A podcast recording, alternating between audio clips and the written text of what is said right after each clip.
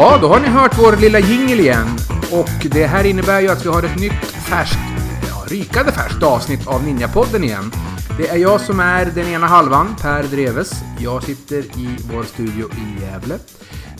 Den andra halvan, den lite mindre halvan av oss, det vill säga Johan Seffer, han är i Stockholm. Och idag ska vi få följa med Johan till ett par gamla bekantingar. Eh, nämligen eh, läkaren eh, Gunilla Saupe som jobbar mycket med sköldkörtelproblem. Och Johans numera livsmedikus, tror jag i alla fall, eh, sköldkörtelexperten för Johan, Nadja Öström. Och Johan har ju träffat dem idag och pratat en del med dem om ja, uppföljning på det här enormt populära spåret som vi hade tidigare här som heter Extra Extra. Som just handlade om sköldkörtelproblem och den kanske lite undermåliga vården som eh, många patienter upplever. Så vi lämnar över till dig Johan, så får du ta över. Så kommer jag tillbaks här i pausen och Babbla lite mer med er. Så håll till godo, vi hörs om en stund. Hej på er!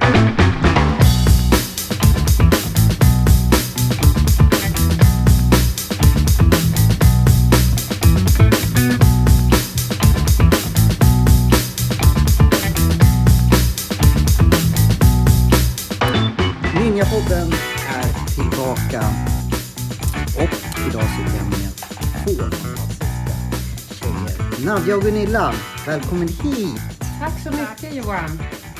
Den här, det här programmet är ju efterlängtat. Det här är ju egentligen en uppföljning av det vi gjorde nu för kanske en månad sedan. Två, att titta på dig som har koll på saker och ting. Eller ja, det har ju du också, men jag har ingen Mm. Det är koll. nog två månader sedan Kanske i två alla fall. månader sedan. Ja, ungefär. Och folk har ju liksom väntat på det här avsnittet. Och jag. Så vi kör igång. Ja. Eh, och, Få- Nu tänker jag inte avbryta dig, Nej. men vi ska bara säga att du är ju vår sköldkörtelexpert nu. Liksom. jag är din sköldkörtelexpert. Ja, du är min. Förlåt. Ja, ja. Eh, så, så jag har ju gett dig så här fria tyglar och prata om saker som du tycker är viktigt som vi sköldkörtelsjuka eh, mår bra av. Mm. Så därför överlåter jag liksom till dig nu att ja.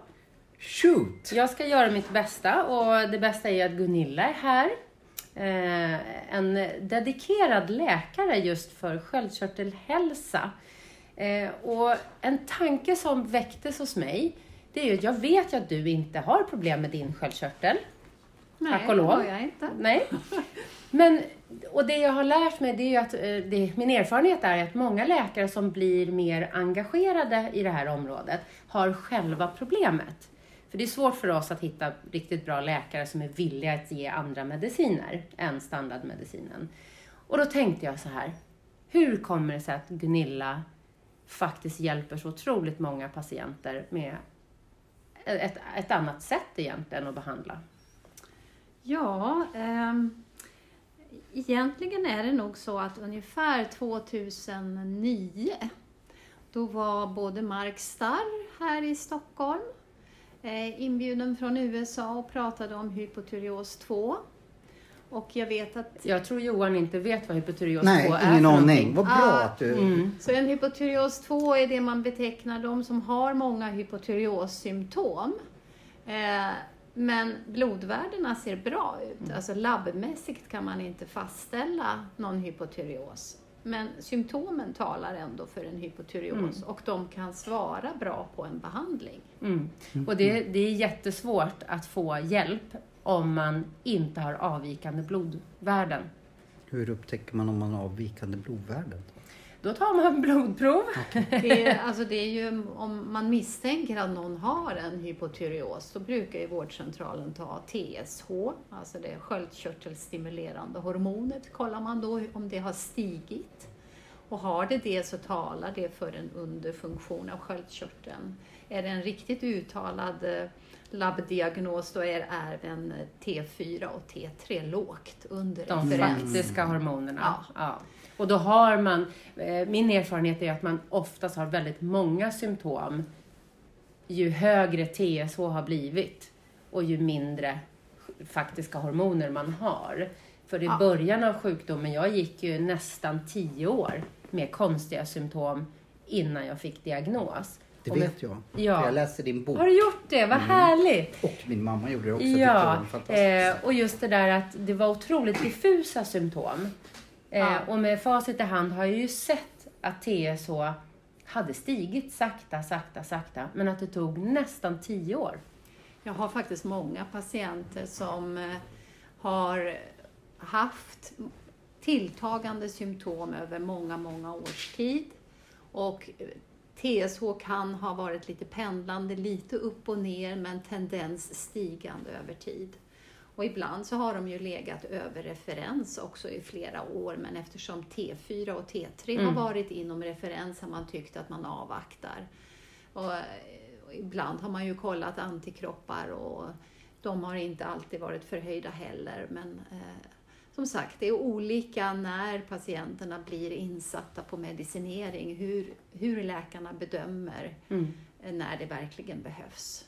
Vissa eh, ber helt enkelt att få prova, även om de inte har ett uttalat, uttalade labbvärden som Men det, det har jag hört många som faktiskt inte, även om de ber att få prova, så, Så får, de, de inte inte. prova.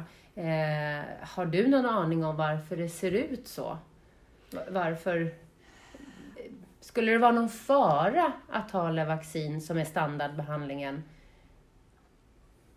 Om man har många symptom och lite lätt avvikande värden. Alltså jag kan inte se någon fara i att prova en kortare tid. Har man ingen effekt, ja men då låter man bli medicinen igen. Men har man en uttalat bra effekt så bekräftar ju det ändå Mm. att eh, någon typ av sköldkörtelmedicin gör nytta. Mm. Och det var ju så man också ställde diagnos innan de här labbproverna kom. Eh, innan man hade tillgång till dem, då tittade man mycket mer på vilka symptom patienterna hade och eh, hade en helt annan klinisk blick. Vilka Mm. symptom som verkligen hör till sjukdomsbilden. Jag upplever att man har tappat det lite. Ja, Eller ganska mycket. Idag eh, tittar man egentligen nästan bara på labbvärdena. Så jag har ju patienter som kommer med jättemånga symptom och så kanske läkaren sitter och tittar på labbvärdena och så säger de bara, nej men du är frisk, det här ser bra ut. Mm. Eh, så, men, men på den tiden när man inte hade tillgång till labbvärden, då satte man helt enkelt in svinsköldkörtel som man då hade innan det syntetiska Levaxinet kom och svarade patienterna på behandlingen, då bekräftade det diagnosen. Mm. Ehm, Så, så tänker jag ändå att man kan faktiskt arbeta lite med de här hypotyreos 2-patienterna också. Mm. Men då tillbaka till eh, hur du kom in i den här världen och hjälper så många. Eh, det var Mark Starr 2009. Som jag lyssnade på, jag tror att det var 2009 Mm. ja, eller 2010. Mm. Eh, sen eh, ungefär i samma tidsperiod så kom Karin Münsterhjelm. Hon var inbjuden till Stockholm från Finland och hon är en eh, läkare som eh, då gick i pension och som hade också hjälpt många svenska patienter med att få prova NDT, alltså torkad svinsköldkörtel. Så hon delade med sig av sina erfarenheter. Och eh, vid samma seminarium talade även Bo Wikland och han lever inte idag. som dog för ett Mm. antal år sedan och han eh, var ju också någon som eh, jobbade med både Levaxin och Liotyrenin. Mm. Och Levaxin är ju det inaktiva T4 och Liotyronin är det aktiva T3-hormonet. Och det är det som kallas LIO i... Ja. Man Ja. förkortar med Ja. Lio igen. Eh, och vid det tillfället så var faktiskt också doktor Ann Gardner med och talade lite om mitokondriesjukdomar. Och, Mm. För det hade vi en liten eh, fråga eh, från lyssnarna. Just det här energi för, för mitokondrierna. Och mitokondrierna Johan, Ja, har du någon koll vad det är? Ingen aning. Det är Nej. därför du är min Ja. sköldkörtelexpert. Det, det är ju de här eh, små fabrikerna inne i cellen. Har vi fabriker där alltså? Ja, det finns små fabriker där som, som bygger en jäkla massa energi så att vi fungerar. Mm. Och kroppen består väl av, jag vet inte hur många celler vi har, men det är ett gäng miljoner, det är miljarder. många. Det är många. Eh, och jag vet att eh, i levern till exempel har varje cell 2000 mitokondrier. Och hjärtat är det som har flest mitokondrier per cell. Så Okej. då kan du förstå att det här T3 är ju väldigt, väldigt viktigt. Och äter du bara Levaxin så måste din kropp bygga om det här så att du får tillräckligt med T3 i varje cell, i varje mitokondrie. Hur kollar man det då? Om man... Det kan man väl inte ens kolla hur du mår. Alltså det man gör är ju att vi mäter fritt T4 och fritt T3 i blodet. Men det talar ju fortfarande inte om hur mycket T3 finns verkligen inne i cellerna, Nej. inne i mitokondrierna. Hur mäter man det då? Ja, det är mer att man kan ana utifrån symptom när det inte fungerar. Nej, När för jag tänker just det här med blodprov att eh, någonstans så eh, finns det en liten riktlinje att när jag mår bra då ligger mitt T3 ungefär här. Och det jag har sett hos många är ju att T3 när man medicinerar behöver ligga lite högre. Att man inte ska nöja sig bara att vara innanför referens beroende på hur man mår. Så att det är liksom, jag tycker labbvärden tillsammans med hur man mår är någon slags... De kompletterar varandra. Ja. Ja. Okej. Hänger Ja, du ja. med? Nej, det gör jag inte. Men eh, det är därför jag sitter här och lyssnar så jag kanske kommer att hänga med. Ja. Det blir mycket nya saker för mig där. Så... Vi kan ju repetera lite från förra gången. Ja. Eh, alltså vi har TSH som läser av, alltså det här sköldkörtelstimulerande hormonet som, eh, som eh, hypofysen utsöndrar. Och det läser av i kroppen, eller hypofysen läser av hur mycket sköldkörtelhormon finns tillgängligt. Okej. Är det låga värden så ökar TSH för att stimulera sköldkörteln att framförallt bilda mera T4. Sen sprids T4 via blodet ut i kroppen och ska ut i vävnaderna, omvandlas eller konverteras pratar man om till T3. Mm. Och T3 är då det aktiva hormonet som inne i mitokondrierna, inne i cellerna hjälper till att bilda energi, ATP. Aha. Men vad behövs mer då? För att det ska, det, T3 räcker ju inte bara. Vi behöver lite kortisol kanske? Det som kan påverka den här omvandlingen, den här konverteringen från T4 till T3 är bland annat kortisol. Det ska varken vara för mycket eller för lite. Då kommer jag ställa en dum fråga igen då. Vad är kortisol? vårt vårt eh, stressskyddande hormon som kommer Okej. från binjurarna. Så när vi eh, utsätter oss för stress så stiger kortisolet. Eh, och eh, skyddar oss. Så att eh, det är inget, det är inget dåligt hormon. Men om man stressar under en lång period och inte får återhämtning så kan det bli för höga nivåer. Och då funkar inte omvandlingen på korrekt sätt. Man kan väl säga vid akut stress har vi riktigt höga Ja. nivåer. Har vi stress över riktigt lång tid, då ser man ofta Mm. dalande värden. Så då får vi i normalsituationer ett lite lågt kortisol. Kan man då, om jag då känner mig, som jag oftast gör, trött liksom. Ska jag då, ha, fattas det kortisol för mig då eller har jag fattat det fel? Det kan fattas kortisol men det kan fattas T3 också. Och Som jag har lärt mig så är T3 och kortisol bästa kompisar med varandra. För att de går som i en dygnsrytm. Om du, inte, om du är en frisk människa så går eh, sköldkörtelhormonerna, eh, och, eller framförallt det här TSH, det är ju som lägst på morgonen. Så då ha, och under natten vid tretiden, då är det här TSH, den här signalen som ropar på sköldkörteln att hallå, jag vill ha mer hormoner. På natten är det som högst och börjar Okej. ropa på Ja. sköldkörteln. Hallå, snart är det morgon. Eh, och det här T3 som då kommer av det här eh, ropar på kortisolet att hallå, nu är det snart morgon. Nu ska vi upp. Så både kortisol, eller kortisolet är som högst på morgonen och som lägst mitt på natten. Så när man tar salivhormontester, då kan man ta en bin, få en binjurestatus där man har fyra värden i regel. Ett, ett, ett morgonvärde, ett lunchvärde, ett eftermiddagsvärde, ett kvällsvärde. Och då, den normala kurvan är som sagt högst värden på morgonen som sen dalar och är som lägst på natten. Men hos vissa så är den här kurvan helt eh, Upp och nervänd. så att man har nästan högst värden på kvällen. Eh, har man ett riktigt, riktigt lågt morgonvärde så speglar det ofta att man är väldigt morgontrött, har väldigt svårt att komma igång på morgonen. Och då kan man till exempel med en tidig T3-behandling Mm. på tidig morgon faktiskt få det här kortisolvärdet att Mm. stiga på morgonen. Mm. Så det finns en, en eh, man som heter Paul Robinson. Han har Mm. skrivit flera böcker som handlar just om eh, hur man kan jobba med kortisol. Hans senaste bok, eh, The Thyroid Patient's Manual, en riktigt, riktigt bra bok. För han berättar om alla typer av medicineringar, fördelar, nackdelar, hur det fungerar och så vidare. Men han har just skrivit en bok om det här, hur du kan få upp ditt kortisol med hjälp av liotyronin eh, man tar tidigt på morgonen. För att eh, eh, T3 ska ropa på sin kompis kortisol.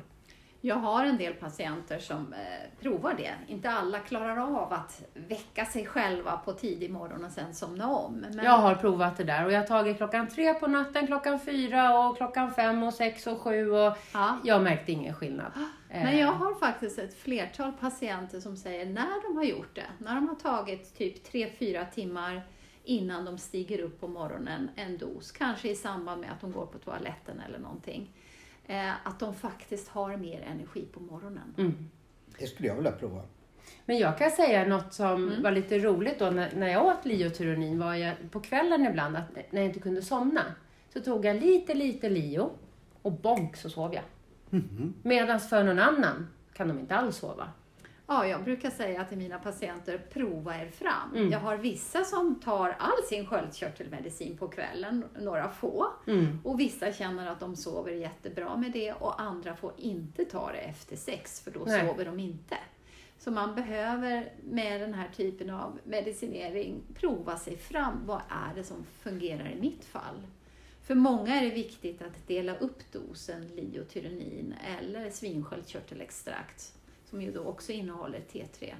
Att man inte tar för hög dos vid ett och samma tillfälle utan att man delar upp det över dygnet. Eh, För då får man en mer spridd effekt. Mm. För det är ett, ett hormon som relativt snabbt går ur kroppen. Men jag brukar säga det just om man nu klarar sig på standardbehandlingen, Levaxin som är T4. Det är ju väldigt, väldigt skönt egentligen. Du tar en tablett om dagen och sen är du klar. Eh, det är knepigare när man har en kombinationsbehandling för att just veta hur funkar det här för mig. Jag har ju provat alla möjliga varianter fyra gånger per dag eller tre gånger per dag och idag har jag landat i att jag klarar mig med två gånger per dag. Eh, det funkar bäst för mig. Mm. Så det, det handlar väldigt mycket om att jag måste lära känna mig själv, vilket är svårt. Ja, och jag hade faktiskt igår en patient som berättade att hon eh, innan hon hade en sån här app i mobilen som liksom talade om för henne nu är det dags att ta hennes medicin. Liksom, så hade hon tagit lite oregelbundet Mm. under dygnet och då hade hon relativt ofta kunnat känna av hjärtat och haft lite hjärtklappning och annat. Det, hjärtklappningen kan komma både om man har för lite medicin eller om man har överdoserat. För det där har ju du och jag pratat om just. Ja. För att jag får ju träffa många i rådgivning som men jag har hjärtklappning. Och då blir jag så här, okej, vad är det för typ av hjärtklappning? Är det, går det fort? Slår det fort? Eller slår det hårt? Och det jag har lärt mig är att när det går fort, då är man oftast lite övermedicinerad. Men slår det hårt, så är det oftast lite undermedicinering. För kommer du ihåg de där mitokondrierna i hjärtat? Mm. Att de är ju absolut flest där. Mm. Så att ha symptom i hjärtat eh, är ju en liten indikator på att sköldkörtelhormonerna kanske inte ligger i balans. Men är det lätt och, eller svårt att avgöra om det slår, hårt eller fort? Jag tror jag inte så spontant skulle kunna... Jag lärde mig känna, för det blev som, ja, det slog, man, jag hörde mitt hjärta. Eh, och framförallt på kvällen var det att det så här, det kunde nog slå fort också. Men det, det är lite hårfint där. Vad, vad, är det för mycket eller för lite? Eh, och det är väl det, om man även känner sig stressad, svårt att sova, man känner sig varm, man känner sig speedad. Då handlar det nog mer om en övermedicinering.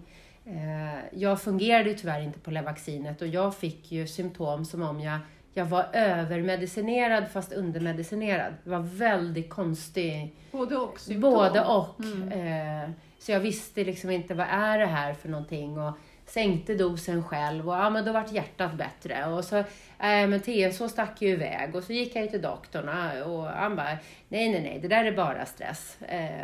Men det visade sig att jag saknade T3 på cellnivå. För det såg normalt ut i blodprovet.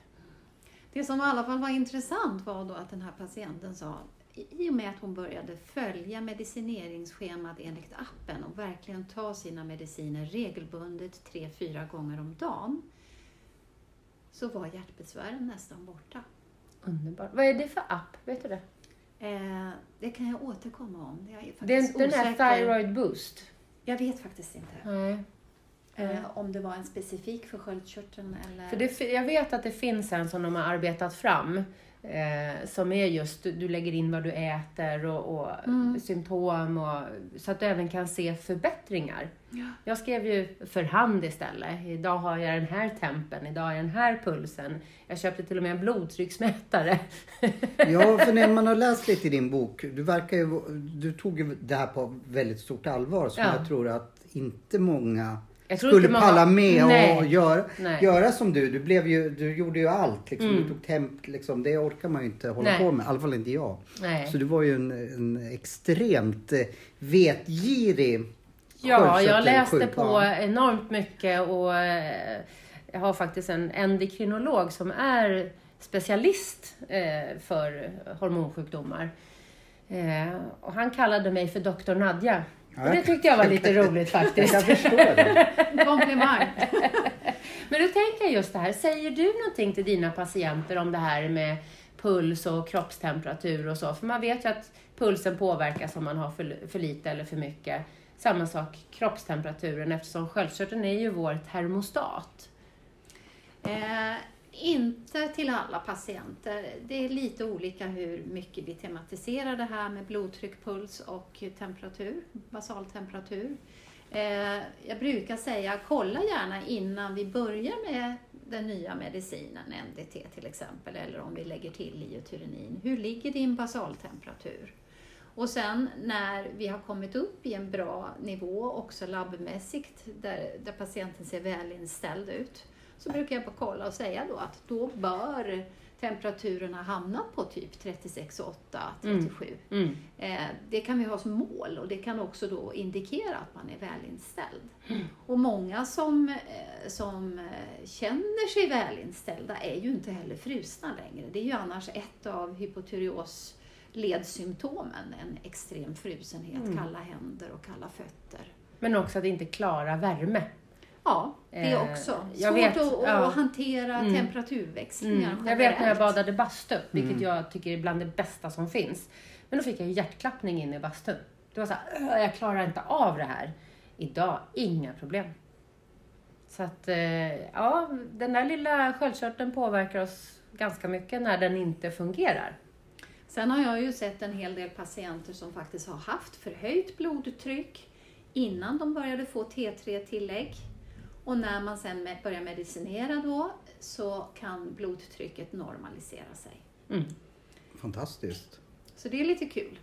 Ja, men jag brukar säga det att vet man att det finns en sköldkörtelproblematik, se till att man har en väl fungerande medici- medicinering för sköldkörteln innan man börjar stoppa in andra mediciner, som till exempel för blodtrycket och så vidare.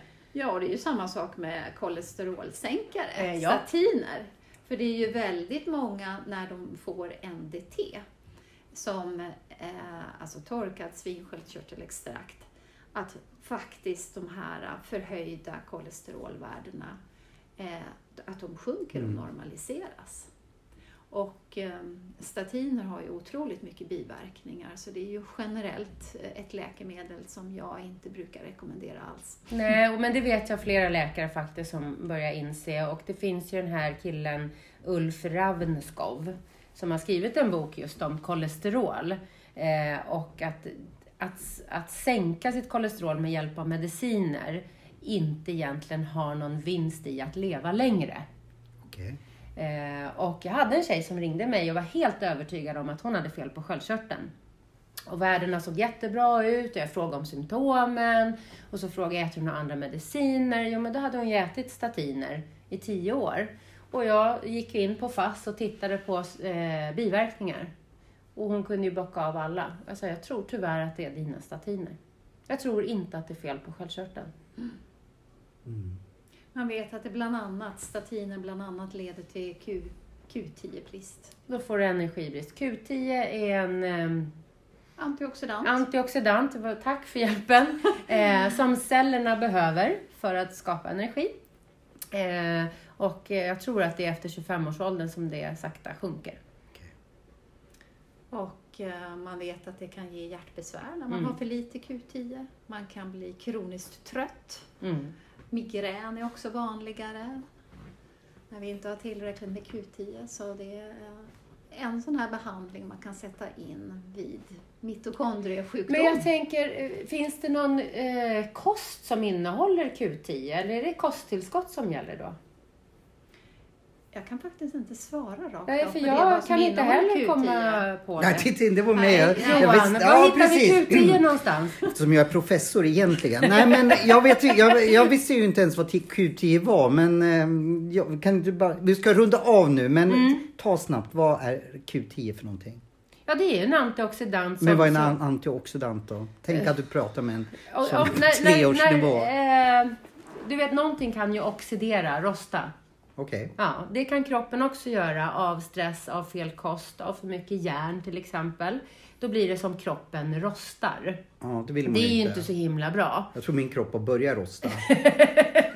Eh, och sen eh, kost som innehåller antioxidanter, till exempel blåbär, är ju väl Mm. att det innehåller mycket antioxidanter. Okej. Eh, och eh, då behöver vi för att balansera samtidigt som vi, in, vi hittar återhämtning för stressen och vi äter en bra kost. Ja. Eh, Okej. Blåbär, Q10.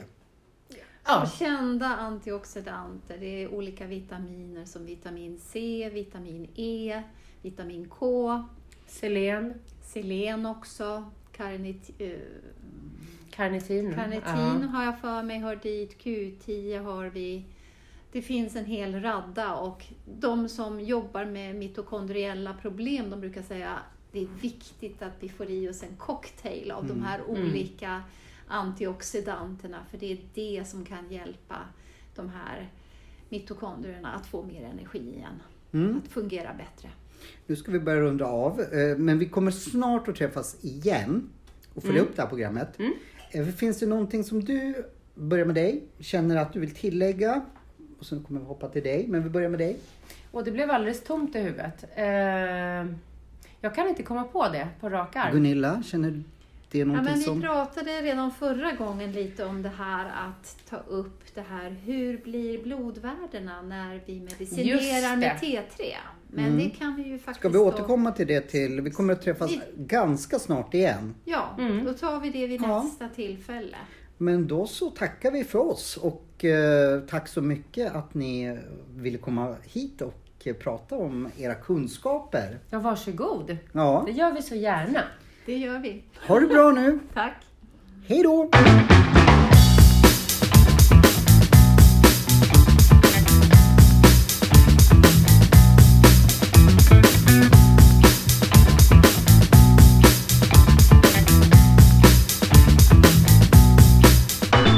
Jajamensan, då tackar vi väl Johan Seffer, den flygande Ninjapodden-reporten för det där inslaget. Och vi tackar givetvis Nadja Öström och Gunilla Saupe för all information, all kunskap som de sitter inne med. Det är många här runt om i landet som gärna lyssnar och tar del av det där. Eh, men vi vilar inte på hanen. Vi ska skicka Duracell-kaninen Johan Seffer vidare. Eh, han eh, är ju lätt att bara skruva upp som någon slags kanin sådär och så drar han iväg till nästa ställe. Och nu ska han nämligen träffa en annan bekant som vi också har haft här i podden tidigare. Ingen mindre än den okrönte konungen inom medvetenhetsforskning eller kvantfysik, Mikael Sävlund. Och lyssna nu noga för att i det här avsnittet så ni får inte missa det för att i slutet på det så kommer nämligen Micke med ett otroligt flott erbjudande till er Ninja-podden-lyssnare. Det vill ni faktiskt inte missa. Så eh, häng med här nu så tar vi och lämnar över till dig Johan och Micke. Så eh, enjoy the moment. Hej på er!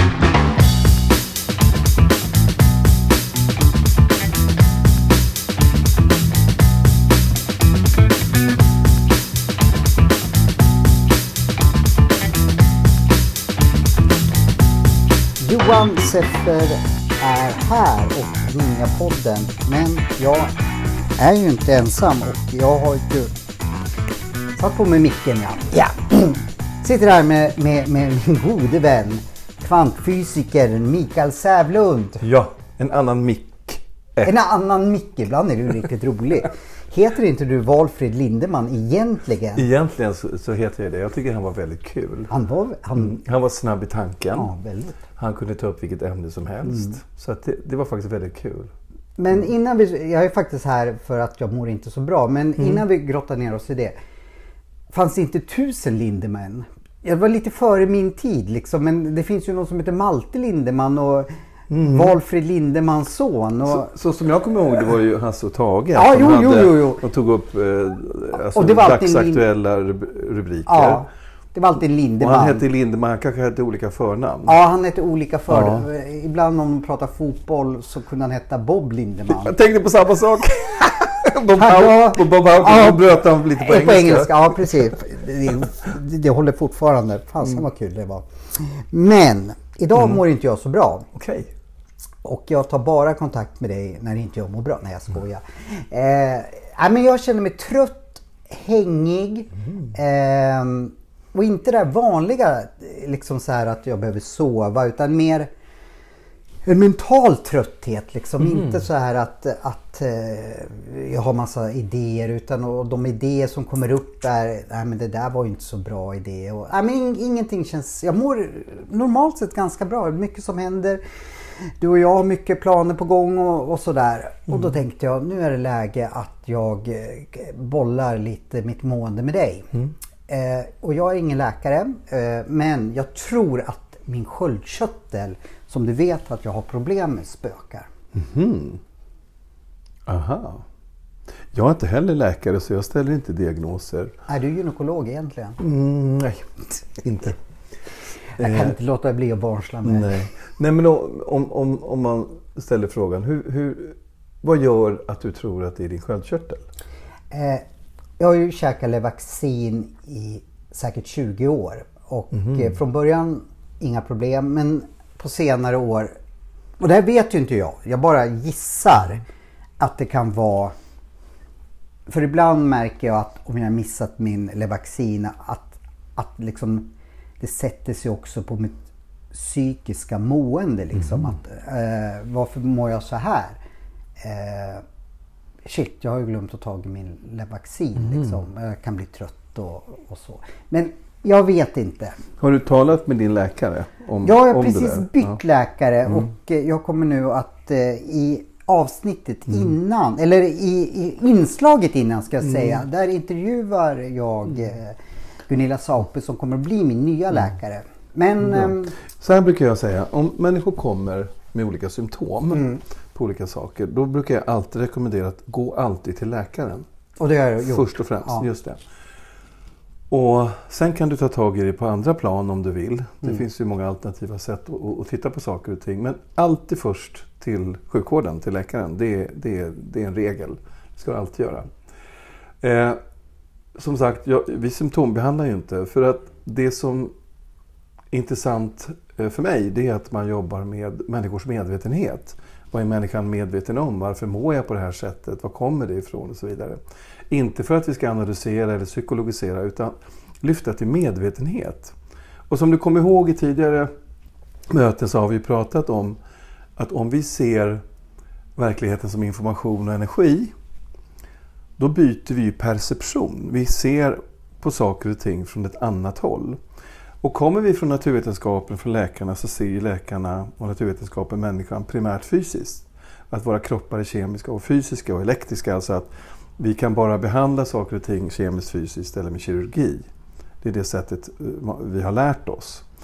Sen kom ju Max Planck, som jag pratat om tidigare, den här farbrorn, den tyska eh, kvantfysikern, som han blev förresten, han var inte det från början, han blev kvantfysiker. Han var teoretisk fysiker och han upptäckte ju att han påverkade materia genom att interagera med materia. Han forskade på magnetiska och elektriska fält och upptäckte att när han bara observerade så påverkade han sina egna experiment. Och han delade det här med sina forskarkollegor som också upptäckte samma sak. För han säger, det verkar som jag sitter ihop med mitt eget experiment. Och det stämde. Och ur detta föddes kvantfysiken och kvant det är en, det är en måttenhet. Mm. Stora mängder små partiklar mäter man i kvantar. Så det här har utvecklats under hela 1900-talet och eh, man har kommit mer och mer in på kvantfysik. Kvantfysik är också väldigt viktig för mobiltelefoni, wifi, trådlösa sändningar och sådana här saker. Och eh, alltså elektronströmmar, mikroprocessorer och sånt. Och det kallas för tillämpad kvantfysik. Vad vi jobbar med här, det är applicerad kvantfysik. För att om vi har teorin eh, utifrån kvantfysiken att en partikel kan befinna sig på flera ställen på samma gång. Att du och jag är byggda av de här partiklarna, om det nu finns fysisk materia. Eh, så kan vi förhålla oss på ett helt annat sätt. Genom att observera, ställa öppna frågor och då kan saker och ting förändras. Och det är det vi gör på kurser och föreläsningar. Och det är tusentals människor som har gjort detta med enorma resultat i sina liv.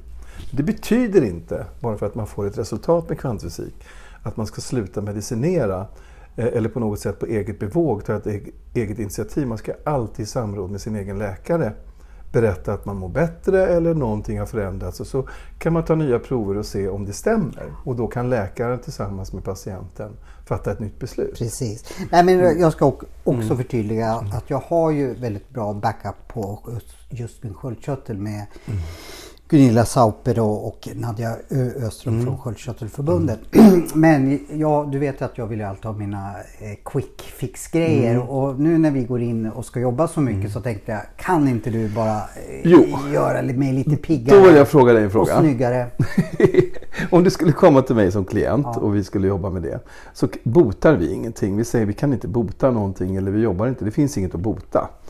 För att eh, om atomen är 100% rymd och allt energi och information så finns det egentligen bara en väg att gå. Det är ändra informationen.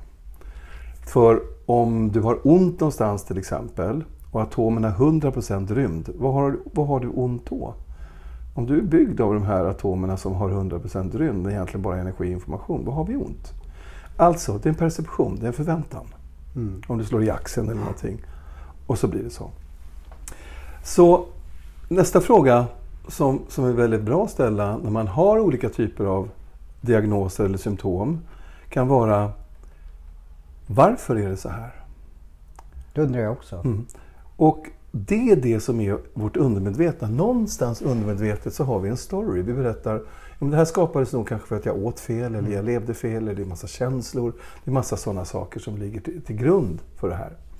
För i medvetenhetsforskningen och kvantfysiken så ser man nästan alla symptom, alla tankar, känslor, emotioner och symptom på olika sätt, sjukdomar och smärtor och allt vad det kan vara, kommer från känslor som vi skapade förr. Spännande. Mm. Och det är här vi kan förändra, det är här vi kan göra, göra en förändring genom att skapa medvetenhet om hur saker och ting eventuellt skapades. Då kan man säga nästan att vi har en biologisk hårddisk som ligger och sänder en information hela tiden. För tänk dig om du har en tv-skärm eller en dataskärm. Och så ser du en bild på den. Mm. Då kan man fråga, var kommer den bilden ifrån? Antennen. Antennen? Säger du? Ja, det, det mottagarantennen ja. Antennen kanske tar emot. Absolut. Det tar emot vågor i sin mm, tur. Men var kommer vågorna ifrån? Var kommer, var kommer eh, informationen ifrån? Den har ju en källa. Eller ja. hur? Den kan ju ligga på en hårddisk, en server eller någonting någonstans. Mm. Eller man sänder från någon tv-station eller någonting. Eller från en server. Bilden är information någonstans ifrån som sänds till skärmen som sen pixlar upp sig. Du vet de här små, små, små fyrkantiga pixlarna på, som skapar bilden. Vad händer om vi skulle gå till källan där informationen kommer ifrån ändrar informationen som sänder bilden. Vi skulle byta kanal eller byta program. Du skulle byta bild. Byta bild. Du skulle påverka bilden. Alltså, om vi tar metaforen att ditt undermedvetna är som en hårddisk med information. Och det du tror och är övertygad om undermedvetet skapar din verklighet. Det som du ser som verkligt för dig. Och har du ett symptom så kanske det ligger och sänder undermedvetet och håller kanske en smärta på plats tills du är villig att skapa medvetenhet om vad handlar det här om. Den här smärtan har en information till mig. Och jag vill ta emot den informationen, ja då kan jag också förändra tillståndet. Då lyfter vi upp till medvetenhet. Inte analysera eller psykologisera eller på något sätt. Utan lyfta upp till medvetenhet. Och då förändras tillståndet. Oftast väldigt, väldigt mycket. Eh, och, och till och med ofta helt och hållet. Det kan gå på sekunder. Det här är svårt att förstå utifrån naturvetenskapen som säger att allt primärt är fysiskt. Men byter vi perception och ser allting som information och energi och vi är observatörerna, då kan vi ändra på det på sekunder. Och det här förvånar väldigt många människor. Människor är nästan chockade över snabbheten i det här. Det här är ingenting jag har hittat på, utan jag har satt ihop ett koncept av olika teknologier inom medvetenhetsforskning och kvantfysik som vi sedan applicerar och övar på på våra kurser och föreställningar och, och föreläsningar ska jag säga. Eh, och människor skapar fantastiska eh, resultat på nolltid. De behöver aldrig ha gjort det här. Det handlar inte om tro. Det handlar om teknologi. För behöver du tro på spisen när du kokar ägg? Nej, för jag fattar inte. hur- Nej, det är en teknologi. Det är samma sak med det här.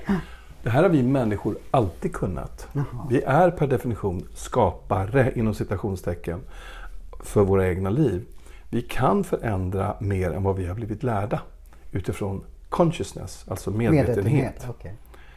Och det finns teknologier för detta. Och jag gör kurser i det här och jag gör föreläsningar i det här. Jag gör det runt om i, i Sverige men även i England, Italien och i andra länder. Norge ska jag till nästa månad. Wow. Mhm. Så att det är oerhört intressant för väldigt, väldigt många människor. Och jag säger så här, du kan redan det här. Du har bara glömt bort det. Och då kan en föreläsning eller en kurs vara en bra skjuts på vägen att komma ihåg det här. Jag har ju varit på några av dina föreläsningar och gått kurser. Jag, jag kan ju verkligen rekommendera det. Och vi kan prata mer om, om att du har hemsida och sen har du faktiskt webbkurser som, som eh, man behöver inte bo i Stockholm. För, du, för vi sitter nu i Stockholm och eh, det, det är där du håller till. Men om du bara skannar eller vad du nu håller på med eh, hur, så jag blir pigg. Så, Det så, kan vi göra. Vi säger så här. Eh, jag har många vänner som är läkare, som även har gått de här kurserna. Och tycker att det är väldigt spännande att lära sig om det. Och jag tycker att de flesta av de som jag har mött som är utbildade läkare är människor med ett väldigt stort hjärta. De vill verkligen hjälpa människor. Och de gör sitt absolut bästa för att göra detta. Jag har själv fått hjälp av läkare och jag är väldigt, väldigt nöjd. Eh, och är det så att man vill skapa ännu mer medvetenhet om varför man har skapat sina sjukdomar, eller att man har sjukdomar, då är kvantfysik och medvetenhet en väldigt, väldigt bra, eh, eh, bra sätt att bli mer medveten om sitt eget liv. Att man tar ansvar för saker och ting i sitt eget liv. Så nu till exempel säger vi att du har varit i Stockholm och nu kommer du till mig, du vill känna dig piggare. Då tänker jag bara ställa några frågor till dig. Fråga på. Jag kommer inte kunna fixa någonting. Det är du som kommer fixa. Eh, ingen kan säga att den botar cancer eller botar. Det kan ingen säga. Och jag skulle aldrig säga det. Men däremot så är det du som kommer fixa dig. För det är du som tar beslutet. Om en undermedvetet omedvetet. Och där sker förändringen. Så till exempel, på en skala 1 till 10. Hur trött känner du dig just nu? Eh, åtta. 8. Varför tror du att du är trött? Ehm, ja, det är det jag inte riktigt vet. Men ehm, Du sa någonting om sköldkörteln. ja, det kan bero på det. Jag är inte helt säker. Men vi säger att det beror på Beror, skyller på beror det. på att du har sovit för lite? Nej, det gör det inte. För Att, du, eh, att det är någonting i livet som du har lite kämpigt med? jag har alltid kämpat i livet. Men, eh, Tröttar det ut dig? Ja, nej men ehm, det är säkert flera faktorer. Men, men vi säger att ja, men det, jag har mycket projekt på gång och, och jag ligger nära. Det kanske tar mycket av min hjärnenergi och, och, och tänka på att eh, de saker ska gå i mål. Okej, det kan vara flera Ja, saker. flera och varför jag ställer de här frågorna Det är för att du någonstans ska komma åt den informationen som ligger och snurrar på din egen server, alltså din undermedvetna hårddisk. Och det är nu, när jag ställer frågorna, som vi skapar medvetenhet. Det kan absolut vara så som du säger, men det behöver inte vara Nej. så. Vi kan inte veta det. För det låg alltså i mitt undermedvetna. Ja, och det ja. kan man, jag, jag är lite dålig på det med undermedvetet och så. Men tänk dig så här. Om, om du känner plötsligt känner en doft, Ja. så får du känslor. ja, så kan det hända. Och det är ju ett minne. Mm. Och var kommer det minnet ifrån? Ditt undermedvetna. Mm. Du kanske hör, nej, alltså du, hela barndomen kanske liksom kommer upp, man Jo, känner en speciell eh, doft eller du ser en blomma Ja. eller du hör någon säga någonting. Det är det undermedvetna. Eller till exempel om du har körkort, nu vet jag att du inte har det, Nej. men om du hade och du körde och hälsade på din mamma.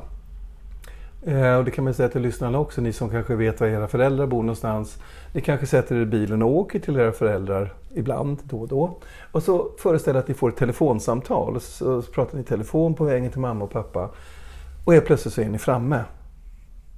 Men jag har ingen aning, för du pratar i telefon. Vem har kört bilen? Undermedvetna? Ja. Aha. Ja, men då Så tror det jag blir som en automatpilot. Ja, ja. Du kan fråga, men hur kom jag hit? Du har automatiskt kört dit. Men det är inte du, det är ditt undermedvetna. Så då kan jag skylla på mitt undermedvetna att jag ibland går till ett bageri och köper semlor när jag inte Ja. ska göra det. Just det, för att förmodligen styrs det av en känsla.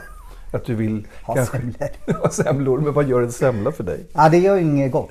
Nej, men vad vill du? Vad känner du? Ja, men eh, alltså jo, det Vill gör ju gott. Ja, det, det, det är ju någon form av terapi för mig att käka semlor. Okej, nu har vi lyft upp det här. Ja. Nu har vi frågat också varför du tror att du har ont och sen så säger jag så här. Om vi har ett symptom, det kan vara smärta, det kan vara mentalt, emotionellt eller fysiskt. Nu har du trötthet. Eller hur? Mm. Den här tröttheten, om vi ser det som information och inte som ett problem. Mm. Ja. Utan den här informationen kan vara början på lösningen för någonting Mm. i ditt liv. Vill du ta emot den informationen det här har till dig? Självklart. Vill du släppa vinsterna med att vara trött istället för att se klart på det här? Medvetna, undermedvetna och omedvetna vinster. Ja, det vill jag. Och vill du släppa det nu? Yes. Nu ska vi göra någonting. Nu släpper vi det här. Nu glömmer vi det här för stunden. Mm. Nu är frågan ställd rakt ut i fältet. I kvantfysik pratar man om fältet, the field, the matrix, the divine matrix. Allt sitter ihop, allt har entanglement. Där ligger frågan nu. Och fältet levererar alltid. På sekunder. Nu ska vi göra en övning du och jag. Mm. Har du gjort muskeltest förut? Nej, ja, kanske. Om man, är det då man sträcker fram handen? Ja, man kan göra på Ja. massa olika sätt. Ett sätt är att du håller fram din arm rakt fram. Då är det. Och så låter inte du mig trycka ner. Jag trycker på din arm så håller du emot. Ja. Du är ju stark Johan. Ja, Nu ska vi testa det här. Om du säger sanningen. Jag heter Ja. Johan. jag heter Johan. Nu trycker jag ner och då är du stark. Mm. Och så kan du säga att du kan ljuga och säga jag heter Petronella. Jag heter Petronella. Håll emot allt vad Ja, du jag kan håller. nu. Är du svag. Varför då? Du ljuger. Kroppen går inte med på att du ljuger. Och då blir du svag. Fasen kan det... det Ja. ja. Ja, Och nu kan vi också testa ehm, energin i dina organ. Så får jag beröra din eh, fina mage här?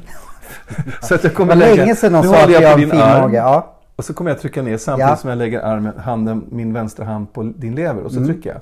Svag. Och så lägger jag min hand på din galla. Ja. Så trycker jag. Svag. På din bukspottkörtel som sitter där. Ja. Svag. På din mjälte. Svag. Och så på tunntarmen. Och sen på tjocktarmen. Hjärtat. Och lungorna. Du är svag på alla här du. Och så lägger vi dem på njurarna. Så, nu är du svag på alla. Varför är det? Nu kommer jag bara göra en kod. Föreställ dig, lek med tanken. Och du kan bara skapa en bild av att det finns en blå kopia av dig. Där du har perfekt hälsa. Okej. Där du mår bra, du har hälsa, din kropp är stark. Okej? Mm.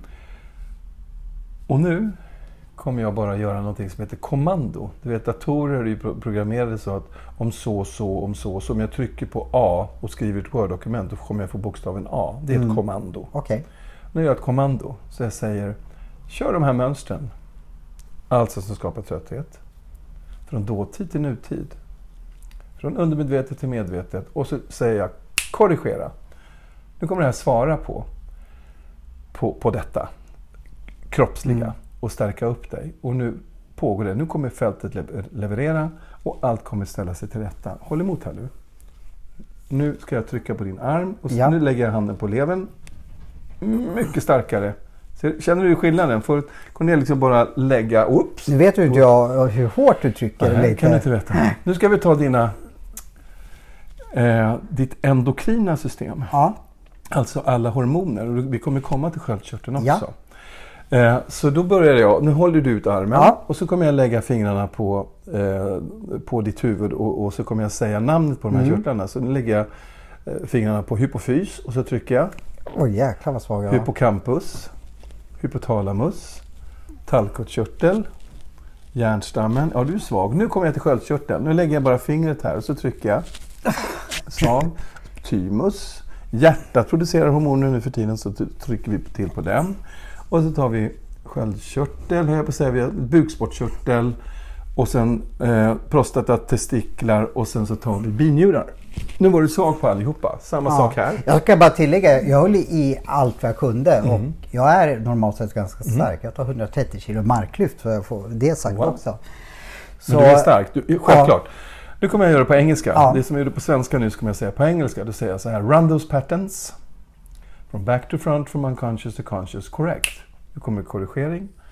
Och så bara väntar vi tills jag själv får ett kvitto i min kropp. Och kvittot betyder att jag får en förändring. Då vet jag att det är klart. Nu ska vi se snart. Nu är det klart. Nu kommer jag att trycka på din arm. Du har armen ute. Nu Ja. lägger jag på hypofys. Är du stark? Stark.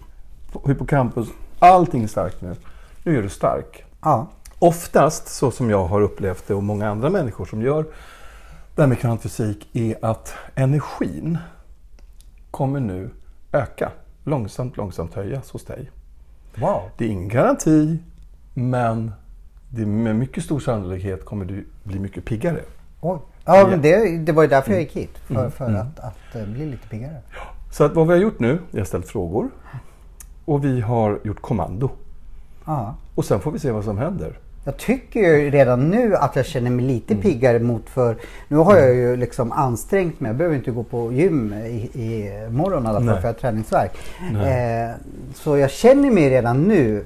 Men du säger att det kan komma senare liksom effekten. Men i- redan nu tycker jag jag är lite piggare. Eller lite, jag jag är piggare. Nu kanske jag inte kan sova ikväll istället. Det här kan du göra på dig själv eller om du går min onlineutbildning så kan du ju Ja, och träna på det här. du skulle vill. säga det att ni som är nyfikna på hur Micke Sävlund jobbar eh, kommer vi att lägga ut information om dels, eh, kanske lägger ut din hemsida eller Mm. så, så man lätt kan gå in och titta på den. Men du pratade lite om de här Onlineutbildningarna. Som jag vet att Precis. att vi Hela kurspaketet är färdigt i mars och vi filmar Ja. för fullt nu. Så att så många som möjligt kan få tillgång till de här teknologierna. Mm. Och eh, som det har varit nu så har jag ju gjort de här kurserna mm, på plats. Att jag rest runt eller så har de kommit till Stockholm. Eh, jag har gjort det här lite runt om i Europa, England, Italien som jag berättade också. Jag har rest ja, jag vet rest. Det har ju varit trevligt att komma till andra länder och så. Men jag vill också erbjuda de här kurserna till ett fantastiskt pris. För att nu under framtagandet så, har, så finns det ett erbjudande för er som lyssnar på den här podden. Att köpa kurserna för halva priset Har online. online. Vad snällt! Ja, Allvarligt? nej, men det är för att jag tycker att det här är viktigt att människor ska få möjlighet att skapa hälsa eh, och, och glädje i sina egna liv. Och är man nyfiken så kan man gå in och läsa. I kurserna så kommer man kunna ladda ner eh, pdf-filer där det finns en forskningsbakgrund till varje övning. Eh, som, hur man kan applicera detta. Ni kommer också se vi, videoavsnitt på hur man gör övningen. Wow. Och så vidare och så vidare. Till slut får man ett helt kompendium och man har en liten bok med de här teknologierna som man kan pröva själv och testa själv. Eh, så ja, jag, jag, jag, jag kan bara... Kan vi lägga ut eh, all information om det här så att folk i lugn och ro kan läsa hur Absolut. man får tag i eller hur man anmäler sig till webbutbildningen och sen så får man väl på något sätt säga att man har hört det här på Ninjapodden då så man får, man får tillgång till den här. Alla som är intresserade Mm. skickar ett mail till, till mig Ja. och, och det kommer att vara info at instanttransformation.se. Vi lägger ut det, står på, på, hem, på Och då vår kommer ni få en rabattkod som ni fyller i och då får ni halva priset. Wow! Mhm. Och då Vad kan glad- ni öva hur mycket vad- ni vill. vad ja. Jag vet ju att de här kurserna är otroligt po populära. Så det var ju snällt. Tack. Nu blev dels både jag piggare och förhoppningsvis vår- våra lyssnare blir piggare. Det är ett Liksom. nytt år Johan. Och Sådana här kindereffekter. vi ska ha ett bra år i år. Ja, vi har ju mycket att göra. Så, Vi så ska dela att, med eh, oss, Ja, ja. Mm. vi ska dela med oss. Ja, men tack så jättemycket. Tack, Johan. Men då lovar du att du lägger ut all information om allt. Så jag kan bara säga nu. Eh, är ni nyfikna så går ni in på Ninjapoddens Facebook-sida. Så får ni veta allt hur ni går tillväga. Mm, mm.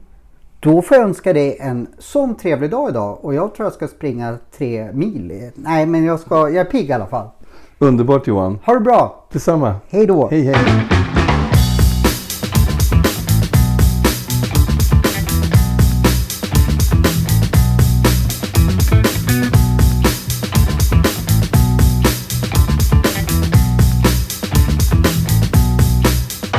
Sådär ja, då har vi också lyssnat på eh, Johans reportage hemma hos Micke Sävlund, kvantfysikern och medvetenhetsforskaren. Och det var ju inga dåliga erbjudanden han bjöd på där Micke. Eh, det är till och med så att jag själv är bra sugen på att, nappa på det där. Det är ju halva priset, det är ju makalöst bra.